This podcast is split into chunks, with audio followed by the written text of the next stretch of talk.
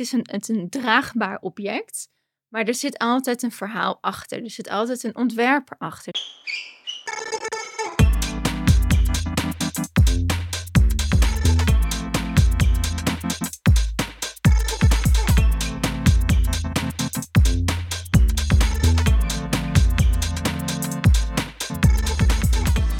Welkom bij Sneak Ears, de podcast over de tentoonstelling Sneakers Unboxed. Nu te zien in Design Museum Den Bosch. Mijn naam is Maan Leo en in deze serie gaan we het hebben over de schoen die voor technologische doorbraken heeft gezorgd, nieuwe jeugdculturen heeft geïnspireerd en de modewereld op zijn kop heeft gezet. Elke aflevering is er een gast die je beter leert kennen. En we gaan vanuit hun perspectief dieper in op onderwerpen als de sneakercultuur, het kantelpunt van streetstyle naar high fashion, ontwerpinnovatie en duurzaamheid. Je hoort het hier in de podcast Sneak Ears van Design Museum Den Bosch. In deze aflevering komen we meer te weten over de tentoonstelling zelf. Wat zijn de meest spannende verhalen uit de tentoonstelling? Hoe was het voor de conservator om deze tentoonstelling te maken? Hoe kwam het ontwerp tot stand? En hoe is de tentoonstelling eigenlijk ontvangen? De gast is Adrienne Groen. Welkom, leuk dat je er bent. Hi. Hey Adrienne, je bent mijn collega, je bent conservator bij Design Museum Den Bosch. En daarvoor was je werkzaam voor het Design Museum in Londen. En je hebt de Nederlandse versie van de tentoonstelling Sneakers Unboxed gemaakt. Wil je jezelf nog verder voorstellen? Nou, ik denk dat je de meest belangrijke dingen al hebt, uh, hebt genoemd. Om daar nog aan toe te voegen, ik zit ongeveer nu twee jaar bij het Design Museum. En Sneakers Unboxed is mijn tweede tentoonstelling ook als conservator. Mijn nou ja, voormalige collega's in Londen waren er al mee bezig toen ik aan een andere tentoonstelling aan het werken was. Toen ik nog in Londen woonde. En ja, ik had eigenlijk altijd al mijn ogen op deze tentoonstelling. Ik was ook stiekem een beetje jaloers dat ik niet in dat team zat. Maar ik wist dat ze op een gegeven moment die tentoonstelling wilden gaan toeren. Toen ik bij het Design Museum kwam hier in Den Bosch, wachtte ik eigenlijk op een moment van: oké, wanneer komt hij dan? nou, op een gegeven moment wordt het dan gelanceerd en dan, dan uh, nou ja, heb ik het naar onze directeur Timo gebracht. Zo van: ik denk dat dit heel goed bij ons zou passen. En ik denk dat we het heel mooi en leuk kunnen aanpassen ook aan de Nederlandse industrie en de Nederlandse cultuur. Wat denk jij? Nou, ik kreeg een ja. Dus ja, nu zitten we hier. En nu zitten we hier. En gaan we eigenlijk terugkijken op, uh, op de afgelopen tentoonstellingsperiode. Want de tentoonstelling staat nu al bijna een half jaar, volgens mij. En uh, ja, in deze podcast gaan we dus terugkijken. Hoe was het? Welke verhalen heb je verteld? Welke verhalen kunnen nog wat beter uitgelicht worden? De eerste vraag die ik je ga stellen is een vraag die ik eigenlijk aan al mijn gasten stel. Als een manier om jou als misschien wel undercover sneakerhead beter te leren kennen. En dat is de vraag: wat is jouw droomsneaker? Dus in een ideale wereld waarin alles mogelijk is, welke sneaker draag je in die wereld? En misschien wel hoe, hoe voelt die? Hoe wordt die gemaakt? Hoe ziet die eruit? Een ontzettend leuke vraag. Uh, en eigenlijk ook heel erg moeilijk. Want ja, een ideale sneaker, hoe ziet die eruit? Als het, als het mag, wil ik graag twee voorbeelden geven. Nou, oké. Okay, um, eentje is dat dat is een sneaker die eigenlijk voor mij, ja, denk ik toch wel dicht bij mezelf zit. Meer een soort van idee van nostalgie. Ook al heb ik hem nog niet eens tien jaar, maar mm. nostalgie zit er al bij.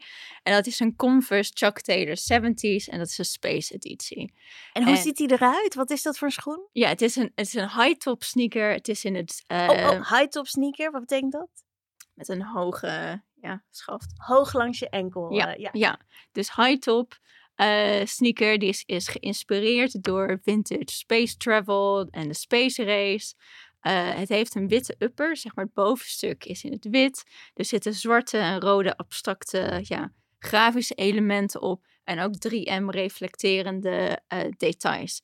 En alle details en alle kleuren refereren dan weer naar nou ja, de space shuttles en de outfits of de uitrusting van astronauten die ook naar de maan zijn gegaan. En de zool, zeg maar onder, ja, de onderzool, die is ook weer doorzichtig. Daar doorheen kan je dan weer een soort van maanlandschap zien. en de binnenzool, daar zit dan ook weer zit de afdruk van de maan op.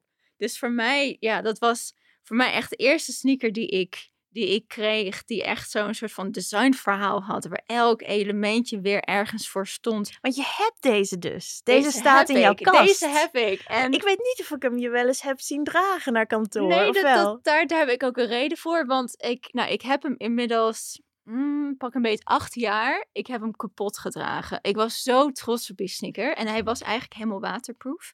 Door het speciale materiaal dat ze gebruikten. En nou ja, er zitten dus nu gewoon ja, gaatjes in de onderkant in. Waardoor als ik op straat loop en nou deze zomer regent het dan niet zo heel erg veel. Maar het over, over het algemeen regent hier wel altijd heel veel. Ja, ik krijg gewoon natte voeten. Het is een binnenhuisschoen Ja, geworden. Ja. Ja. Je bent wel de eerste kast, geloof ik, die als droomschoen een schoen heeft die gewoon in zijn eigen kast staat. Dat is wel heel goed. eh. Ja, ik, Je hebt ja, je ik, droom bereikt. ja, maar ik denk, ik denk dus omdat het voor mij gewoon dat, dat die complexiteit, het designverhaal en dat is echt gewoon, ik denk toch wel voor mij een omkering in hoe kijk je naar schoenen. Ja. Maar het tweede voorbeeld die ik heb, want ik had er twee, is iets, nou ja, volgens mij niet bestaand en is eh, een beetje weird misschien, maar het is eigenlijk deels geïnspireerd op de Nokia 3310 als de luisteraars niet weten wat het is, dat is voor nou ja, de generatie van mijn maan, millennials, waarschijnlijk de eerste mobiele telefoon. En het leuke daarvan was, die had een hoesje die je eraf kon halen. En dan had je dus eigenlijk alleen maar de hardware met het schermpje en de knopje. Dan kon je overal kijken bij winkels, school, waar, welk hoesje kan ik pakken en Ja. die bij mij paste. Ja. Dus ik dacht, zou het niet tof zijn als je een sneaker hebt eigenlijk net als een Nokia 3310 die je een beetje uit elkaar kan halen. Of misschien als een soort van Iron, Iron Man outfit. Mhm. Met verschillende onderdelen die je dan naar nee, gewenst of gelieven kan aanpassen. Andere kleur, ander materiaal, andere look en feel. Maar dat de basis eigenlijk altijd één schoen is. En dit is anders, want we hebben in de tentoonstelling een soort schilderdoos van Adidas, waarbij je, de, toch? Daar, daar zit, Ja, dat is een witte Adidas. definitief. Ja, ja, ja. Maar Ja. dat is de, de- dan koop je een witte Adidas en daar krijg je dan verf bij en dan schilder je hem zelf. Ja. Maar jij wil eigenlijk iedere dag een ander hoesje om je schoen. Nee, ik denk ook mensen hun smaak veranderen. Ja. En eh, met, met wat nou een bepaalde weet je wel, activiteit of situaties die ze zitten. Dus daarvoor heb je gewoon een ander soort schoen van nodig. Maar ja, het is nou niet echt nodig om. Hoeveel, hoeveel schoenen draag je nou ook eigenlijk? Als je dan kijkt over een maand of over een Ja. jaar. Als we dan toch hebben over het nou ja, verminderen van alle resources en verminderen van het idee van steeds maar nieuw, nieuw, nieuw zou het heel tof zijn als we gewoon allemaal zo'n basispakket hebben. En die kan je dan Ja. een beetje aanpassen.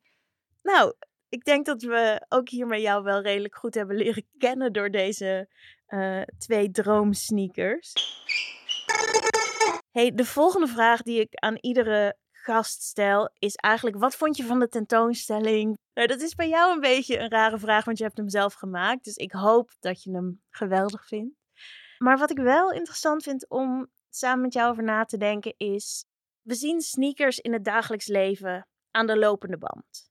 Op straat, in winkels. Jij en ik hebben nu sneakers aan. Maar er gebeurt volgens mij iets wanneer je die sneaker dan uit die dagelijkse context haalt en in het museum zet. En zegt: hey, kijk, dit is de moeite van dit museum waard. Wat denk jij dat er gebeurt? Of wat heb je gezien dat er gebeurt op het moment dat je zo'n sneaker naar het museum haalt? Op het moment dat je een sneaker in een museum zet, is er eigenlijk is het een moment van reflectie. Ik denk dat helemaal vanuit de industrie, dus de sneakerindustrie, Mhm. is de productie ontzettend snel. Ze zijn eigenlijk bij elke drop, elke release, zijn ze alweer bezig met de volgende stap en de volgende uitvinding. Dus er is niet zo heel veel tijd voor reflectie. En ik denk dat juist als museum, en dan vooral wij als designmuseum, je dat moment van reflectie ook kan bieden. En ik denk het leuk van hoe wij de tentoonstelling hebben eh, opgebouwd, zeg maar de verschillende verhalen. Dus we beginnen bij style, weet je, alle jeugdculturen en de muziek. Vervolgens Tipping Point, waar je echt induikt in de limited editions, hoe het eigenlijk de hele industrie is veranderd. Performance, dat we meer het hele designproces analyseren aan de hand van ja, sportprestaties en uiteindelijk ook duurzaamheid, circulair design. En ik denk juist daarin, die verhalen, dat het voor een bezoeker dat idee is van oké, weet je, het is niet, het is een, het is een draagbaar object, maar er zit altijd een verhaal achter. Er zit altijd een ontwerper achter. Er zitten ontwerpkeuzes. Um, er, zijn, er zit technologische vooruitgang zit erachter. Er zitten ja, echt, ik denk ook wel hele belangrijke sociale of culturele en maatschappelijke verhalen achter. Die vertellen waarom een bepaalde schoen heel erg belangrijk was voor een bepaalde groep mensen.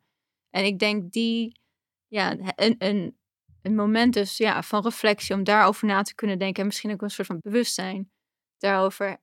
Ja, dat heb je toch minder dan als je gewoon over straat loopt en een beetje, ah, en denk, is ah, die is tof. Ja, ja. ja dus ik hoop, kijk, voor mij als conservator, voor mij komt dat natuurlijk om, denk vanuit, om, om objecten of producten of vanuit zo'n designbril of designmuseumbril te bekijken. Mhm.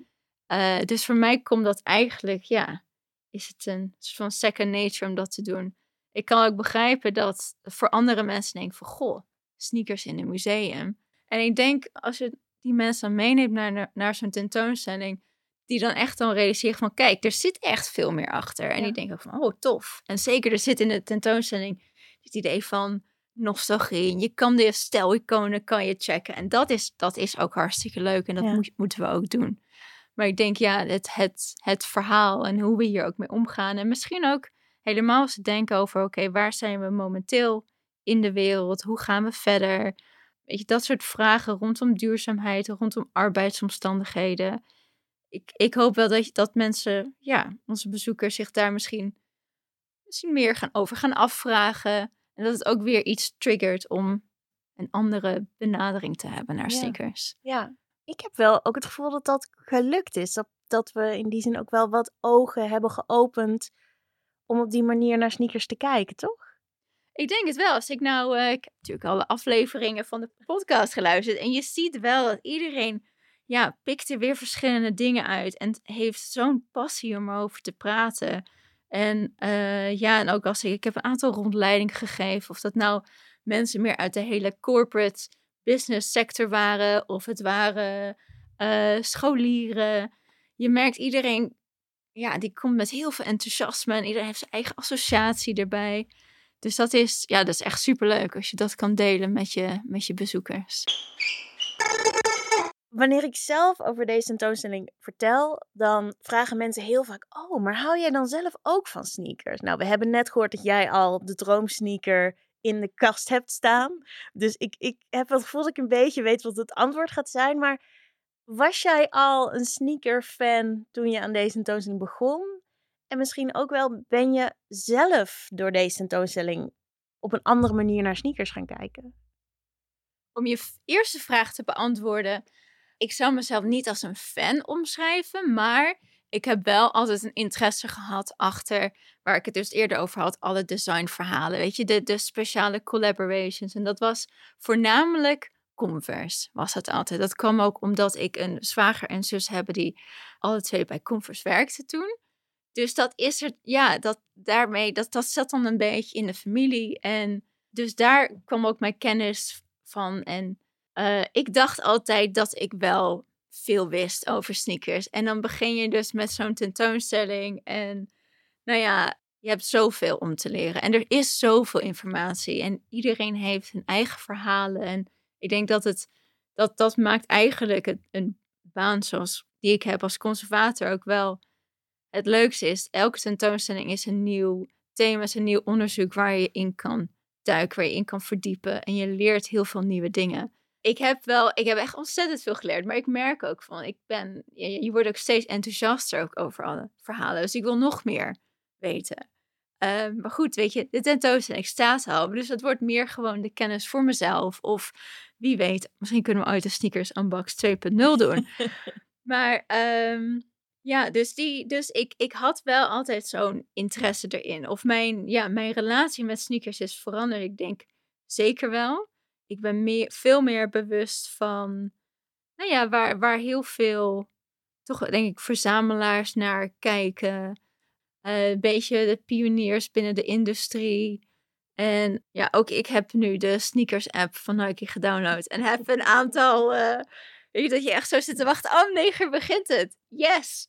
En dan lukt het wel of lukt het niet. Je bent ook aangestoken door het drop-virus. Ja, uh. ja, en het is wel... Uh, kijk, ik ben nu heel blij, want ik heb eindelijk een Air Max 1. Dan denk ik, jawel luisteraars, de conservatie heeft eindelijk haar eerste paar Air Max 1. En nou goed, ik vind dat hartstikke leuk. Of ik nou echt een, echt een uh, nou ja, zo'n sneakerhead wo word die, uh, weet je, doos, een beetje doos op doos op doos heeft. Ik denk het niet, maar ik heb echt een enorme liefde voor de industrie en ook voor de verzamelaars ontwikkeld. Um, dus ja, laten we gewoon doorpraten erover. In die tentoonstelling zitten heel veel verschillende verhalen. Je vertelde al verhalen over de geschiedenis van de sneaker, over de jeugdculturen, over hoe het mode werd, over de technologische innovatie, over duurzaamheid en de rol die dat speelt. En over heel veel van die onderwerpen hebben we het gehad in deze podcast, maar ook uh, op onze derde verdieping hebben media over geschreven. Maar er zijn zoveel verhalen in de tentoonstelling dat ik me niet kan voorstellen dat ieder verhaal evenveel aandacht heeft gekregen. En wat ik me afvraag is, zijn er misschien verhalen in de tentoonstelling waarvan je denkt, nou, die zijn nog een beetje onderbelicht gebleven. Die verdienen het wel om nog een beetje meer aandacht te krijgen. Ja, oh zeker, wel heel veel. Um, het is heel erg leuk om, om te horen ook van, van mensen in de podcast of ook mensen die weer over deze tentoonstelling schrijven in de media. Welke verhalen ze, oppikken. En ik denk, er zijn een aantal uh, die ik heel interessant vind waarvan je dan merkt, hé, hey, daar, daar wordt dan minder over geschreven. En dat is mhm. toch voornamelijk een aantal, denk ik, technologische doorbraken die we tonen binnen het performance gedeelte. Dus performance binnen de tentoonstelling hebben opgesplitst in verschillende, ik denk, soort van designproblemen of designonderwerpen die te maken hebben met uh, ja, sneakerdesign in sport. Uh, we kijken bijvoorbeeld naar grip, we kijken naar pasvorm, kijken naar schoenen die veranderen volgens verschillende klimaten, uh, het gebruik van technologie. Dus, en daar zijn een aantal van. Ik denk een voorbeeld wat ik altijd heel tof vind, is de, wat, wat wij noemen de laceless race van de jaren negentig. Wat is dat? En dat is een soort van, als ik het een battle kan noemen, ja, doe ik wel. Een soort van battle tussen, nou ja, bedrijven of sneakerbedrijven om sneakers te ontwikkelen met een perfecte pasvorm mhm. middels veterloze systemen. Want een veter is niet goed? Een veter is niet per se slecht, mhm. maar het gaat om helemaal als je bijvoorbeeld uh, snel moet rennen of je hebt een, een workout.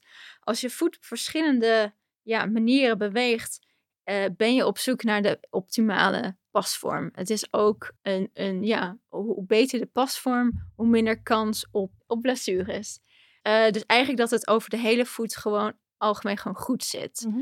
En het is ook natuurlijk om iets te bedenken, weer een iets anders, waardoor je ook weer, ik denk toch wel binnen atleten of sportprestaties als merk, bijvoorbeeld als, als Reebok of Nike, weer een, naar, een stapje naar voren gezet kan worden. Want je wil ook als bedrijf, weet je, worden gezien als jij excelleert het snelst op technologische innovatie. Ja.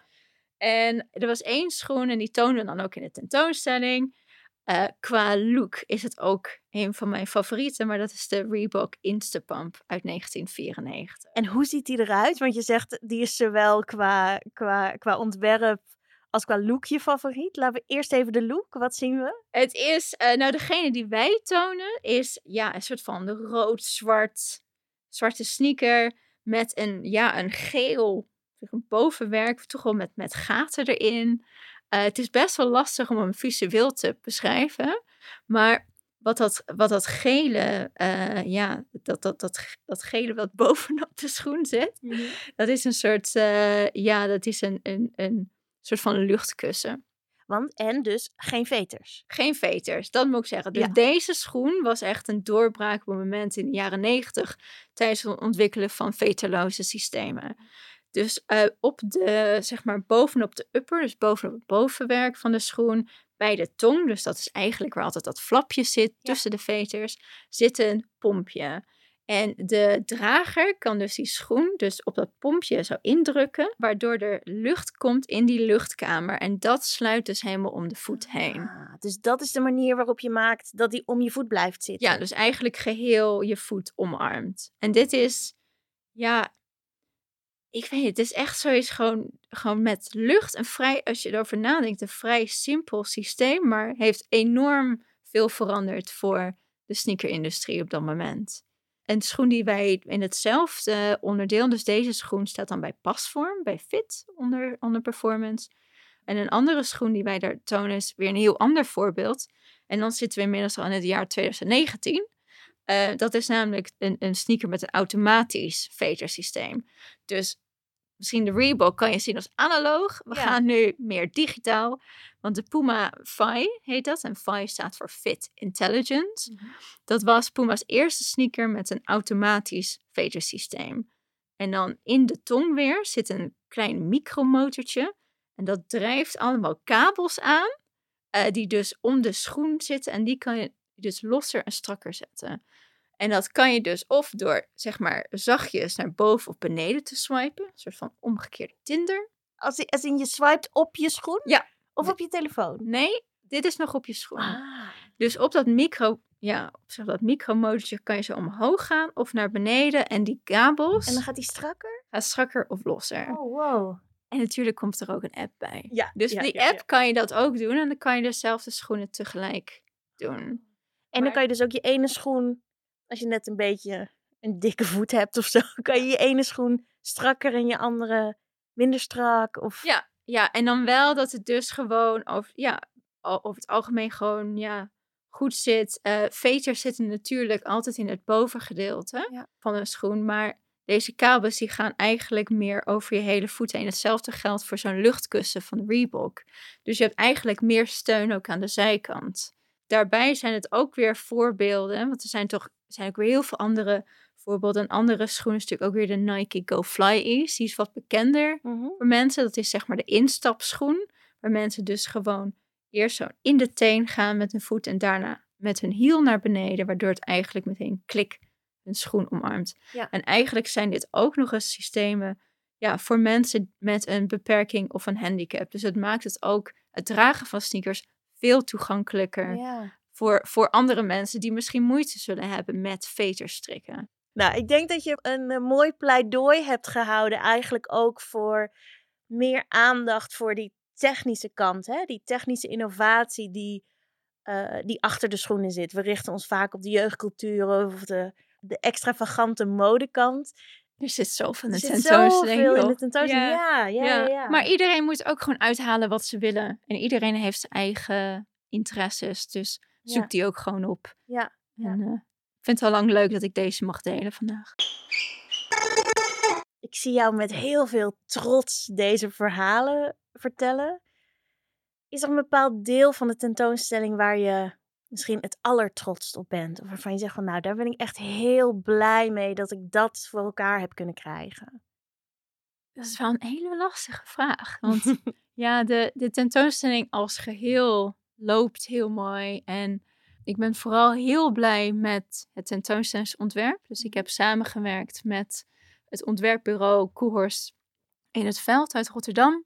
En eh, ja, zij hebben denk ik op een hele bijzondere manier gekeken ook naar het onderwerp sneakers. Om te kijken van hoe kunnen we dat het beste ruimtelijk vertalen. En wat Ja. voor materialen willen we daar ook voor Ja. gebruiken. Nou, ik ben wel be- benieuwd. Misschien kunnen we dan even naar het ontwerp overspringen.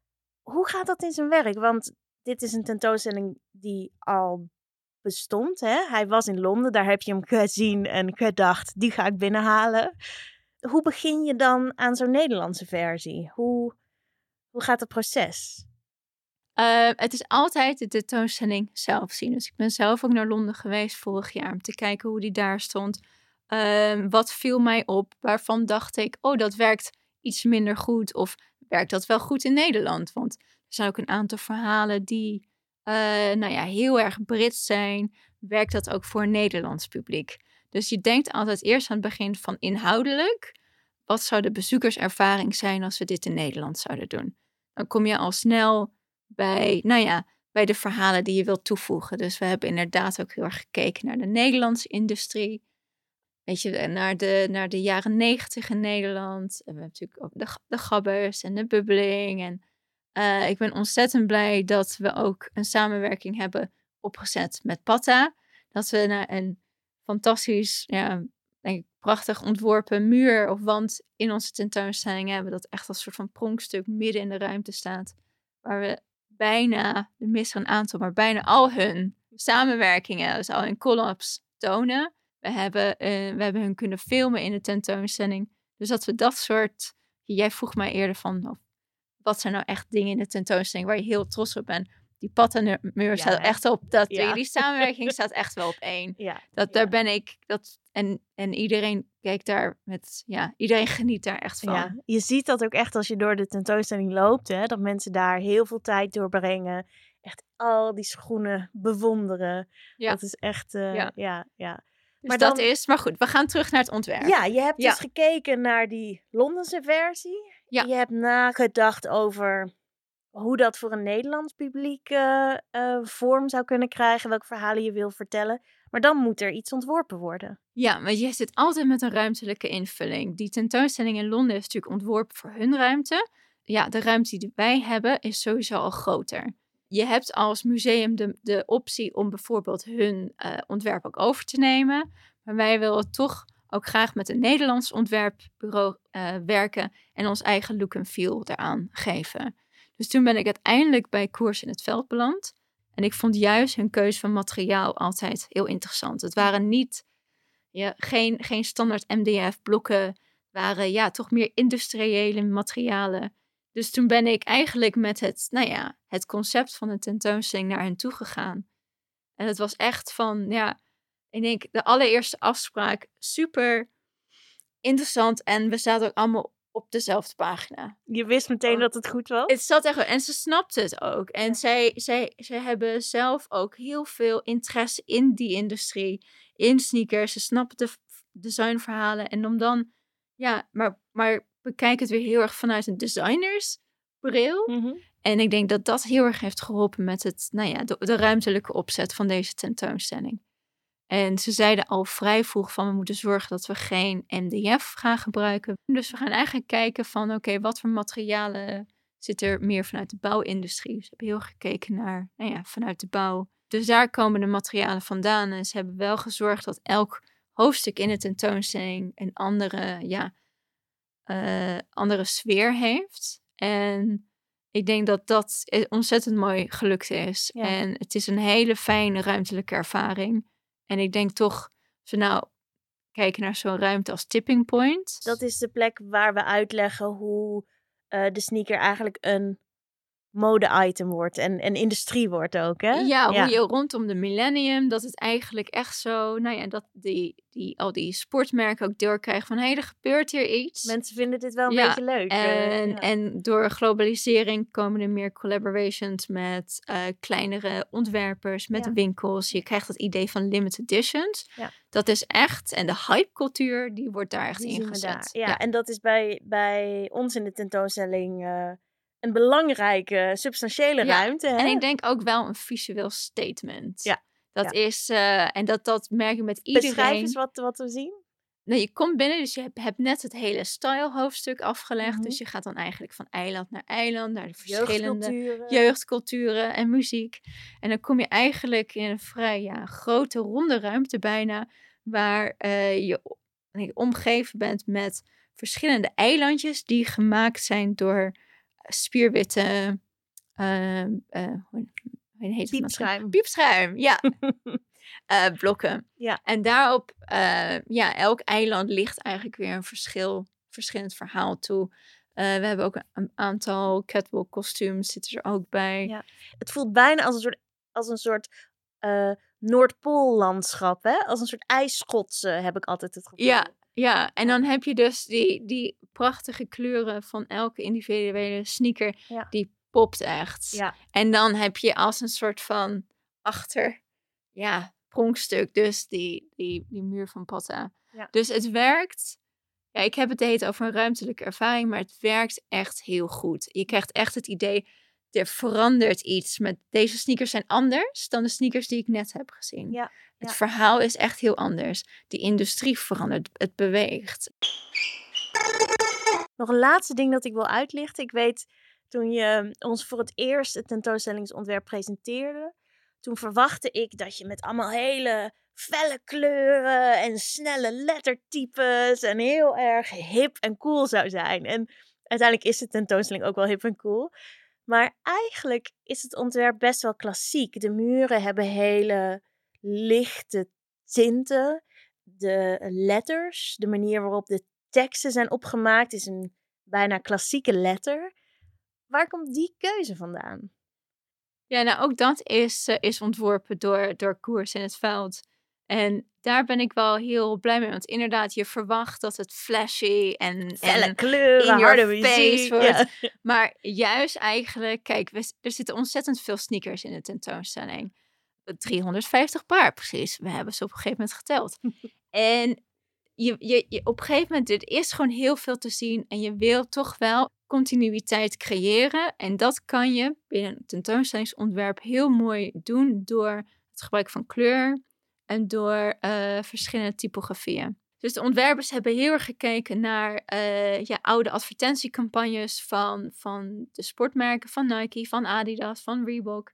En daar zie je eigenlijk dat, weet je, de, de branding, de logo's, de, de titels zijn altijd heel groot, heel bold.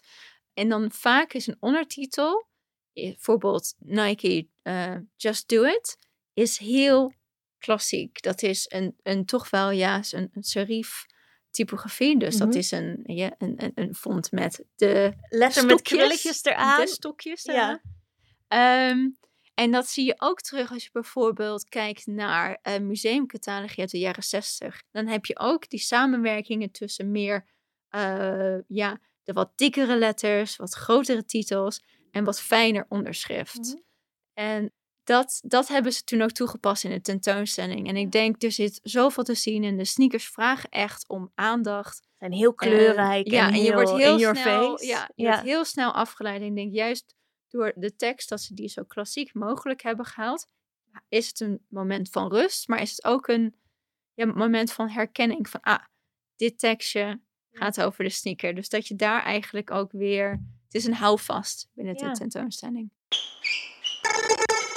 Nou, de laatste vraag die ik heb eh, gaat over de ontvangst van de tentoonstelling. Want je hebt dus samen met de ontwerpers en samen met het team vanuit Londen maandenlang gewerkt aan een tentoonstelling. Dan staat hij er en dan gaan mensen erover schrijven. Dan komen de journalisten langs, dan eh, eh, word je geïnterviewd over de tentoonstelling. En de eerste vraag die ik voor je heb is: hoe is dat eigenlijk voor jou als conservator? Dat je dan je, nou, je babytje is een groot woord, maar het werk waar je zo lang en veel in geïnvesteerd hebt, dat dat dan opeens voor iedereen daar ligt om maar beoordeeld te worden. Voor, voor mij is dat persoonlijk altijd een ontzettend spannend moment. Het is echt dat je, nou ja, met je hand zo langs je hoofd gaat, zo oef, Ja, we hebben het gedaan. staat. Hij staat er. ja, Eh, aan de andere kant is het, vind ik altijd, doodeng. Want eh, je doet iets met de beste intenties, met de meest optimale onderzoek. Ehm, maar ik denk helemaal bij zo'n sneaker tentoonstelling zullen mensen altijd vallen van... hé, hey, waarom is die er niet? ja. Waarom dit is verhaal- mijn lievelingssneaker niet? Dit verhaal wordt niet verteld. Waarom Ja. is dat zo? En ik denk juist met zo'n, met zo'n onderwerp dat, nou ja, zoveel generaties al doorgaat. Dat maakt een sneaker ook heel erg interessant. Ja.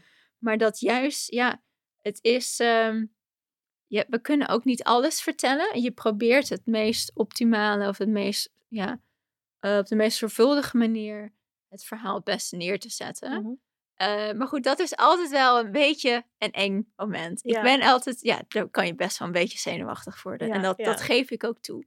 Want je kan ook niet teruggaan en zeggen van, oh, dan ga ik hem nog even aanpassen. Want hij is, de tentoonstelling is wat hij is. Nee, als hij, als hij staat, dan is sowieso altijd een soort van cut-off point. Op een gegeven moment geen bruiklenen meer. Het ontwerp is af, weet je wel. Maar dit is ook oké. Het is, het is een, een momentopname. Het is, ik noem het al aan het begin van, van ons gesprek, een moment van reflectie. En dat verhaal is ook alleen maar doorgaan. En dat dit maakt het ook heel erg leuk dat deze tentoonstelling ook gaat reizen, nog verder gaat. Want elk andere instituut in elk land, welke stad, maakt ook weer hun eigen, geeft hun eigen draai eraan en voegt ook weer toe. Dus het verhaal zou ook nog wel veranderen. Ja.